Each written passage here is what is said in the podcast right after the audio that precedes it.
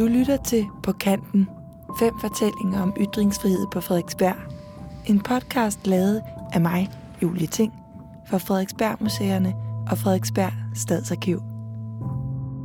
I fem fortællinger kan du høre om, hvordan borgere på Frederiksberg gennem tiden har udfordret ytringsfriheden. Tag med til sanger indeknejperne, dyk ned i hemmelige arkiver på Stadsarkivet, eller kom med ud på byens villaveje, hvor magtkampene også finder sted. Vi starter dog endnu længere tilbage i tiden, dengang trykkefriheden blev introduceret i Danmark og sat gang i en hæftig debatkultur.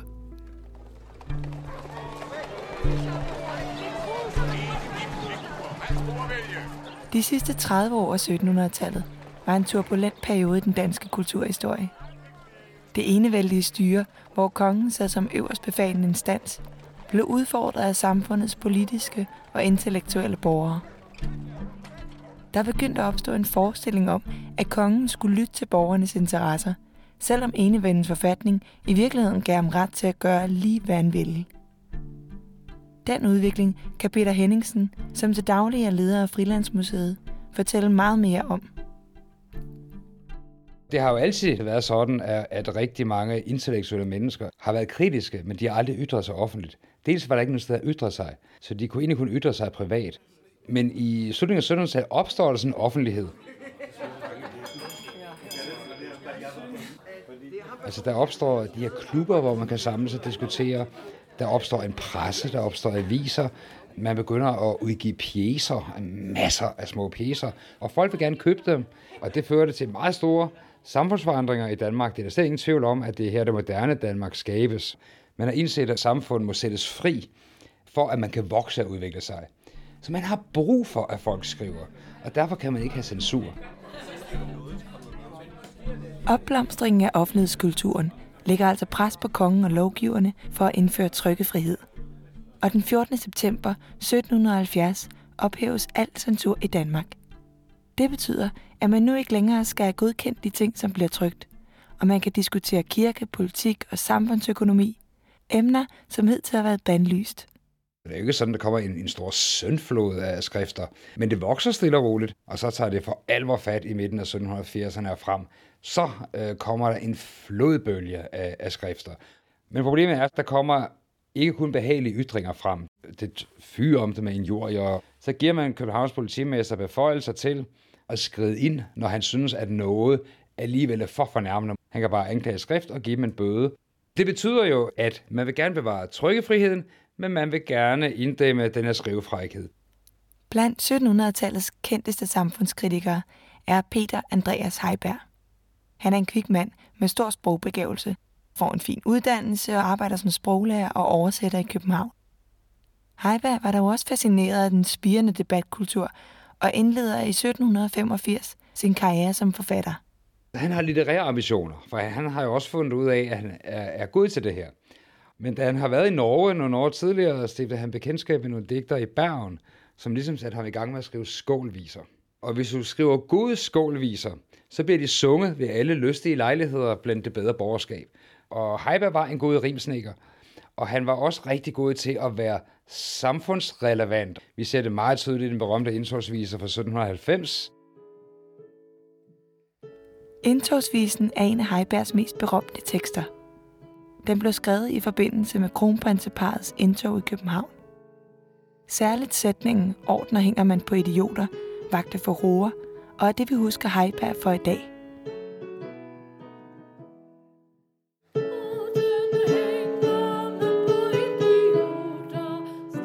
Ved indtoget, så giver man en masse ordner, titler og forskellige begunstinger til den indspiste indercirkel. Sådan foregår det jo stadigvæk i, i kongehuset. Det er jo kun alle dronningens venner, der også får ordner, ikke? Uanset om de er idioter eller ej. Ordnerne hænger man kun på idioterne, siger Per Heiberg. Man giver dem bånd, og man giver dem stjerner. Men, men virkelig fortjenstfulde oplysningsfolk, de får ikke nogen. Derfor opfordrer han til, at alle giver en skilling til de fattige, og så, så slutter det med en skål.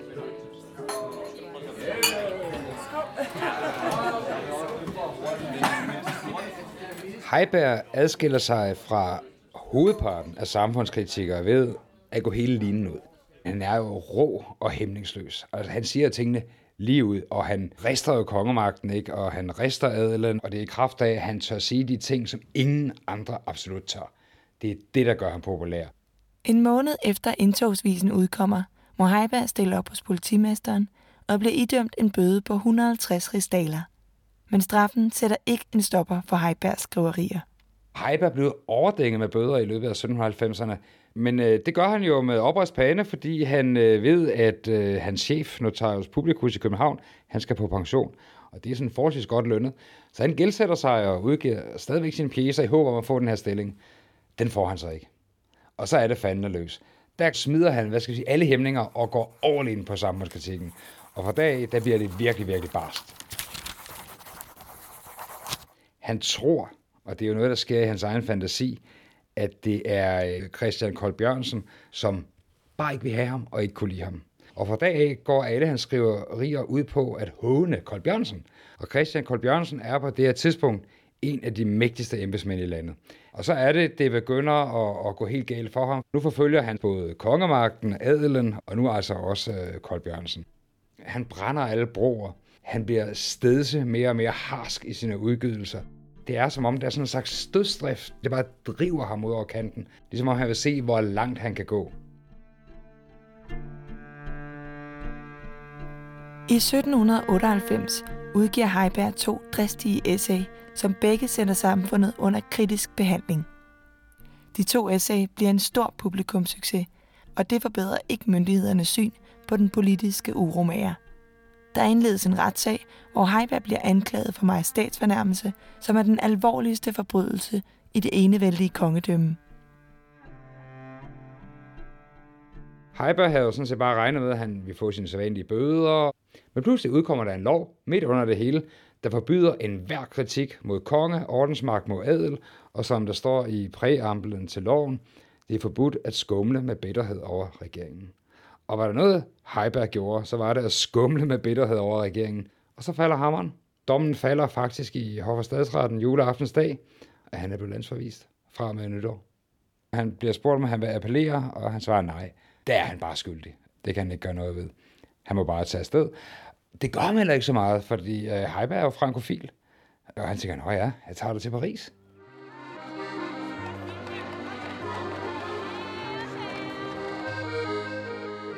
Problemet er, at konen ikke vil med. Og for at gå ondt værre, så øh, viser det sig i al den tid, at øh, Heiberg har raset mod konge og adel. Der har hun haft en affære med en svensk adelsmand. Nede fra Paris, der må Heiberg bare acceptere, at hans kone Thomasine lader sig skille fra ham, og så gifter hun sig med ham her Grev Jyllenborg. Og det er det, der knækker ham. Men han kommer op på hesten igen og får et job som translatør og bliver en ganske almindelig bedsteborger. Heiberg går sådan set fuldstændig i glemselen. Det var ligesom nogle år, der var meget turbulent, og havde lavet en masse rav i den i København, men det førte ikke til samfundsændringer. Tværtimod førte det jo til den sorte reaktion. Hvis man endelig skal sige, at han har påvirket ytringsfriheden, så er det vel kun ved at få den indskrænket. Men han er en interessant skikkelse, fordi han er atypisk, men han er også på en eller anden måde en arketypisk figur. Altså det her person, som er drevet frem af en politisk og social indignation og kæmper for at redde verden, men glemmer sig selv og sin egen familie, og det sidste mister han det hele. Og sådan en typer tror jeg, man kan finde til alle tider, på alle steder.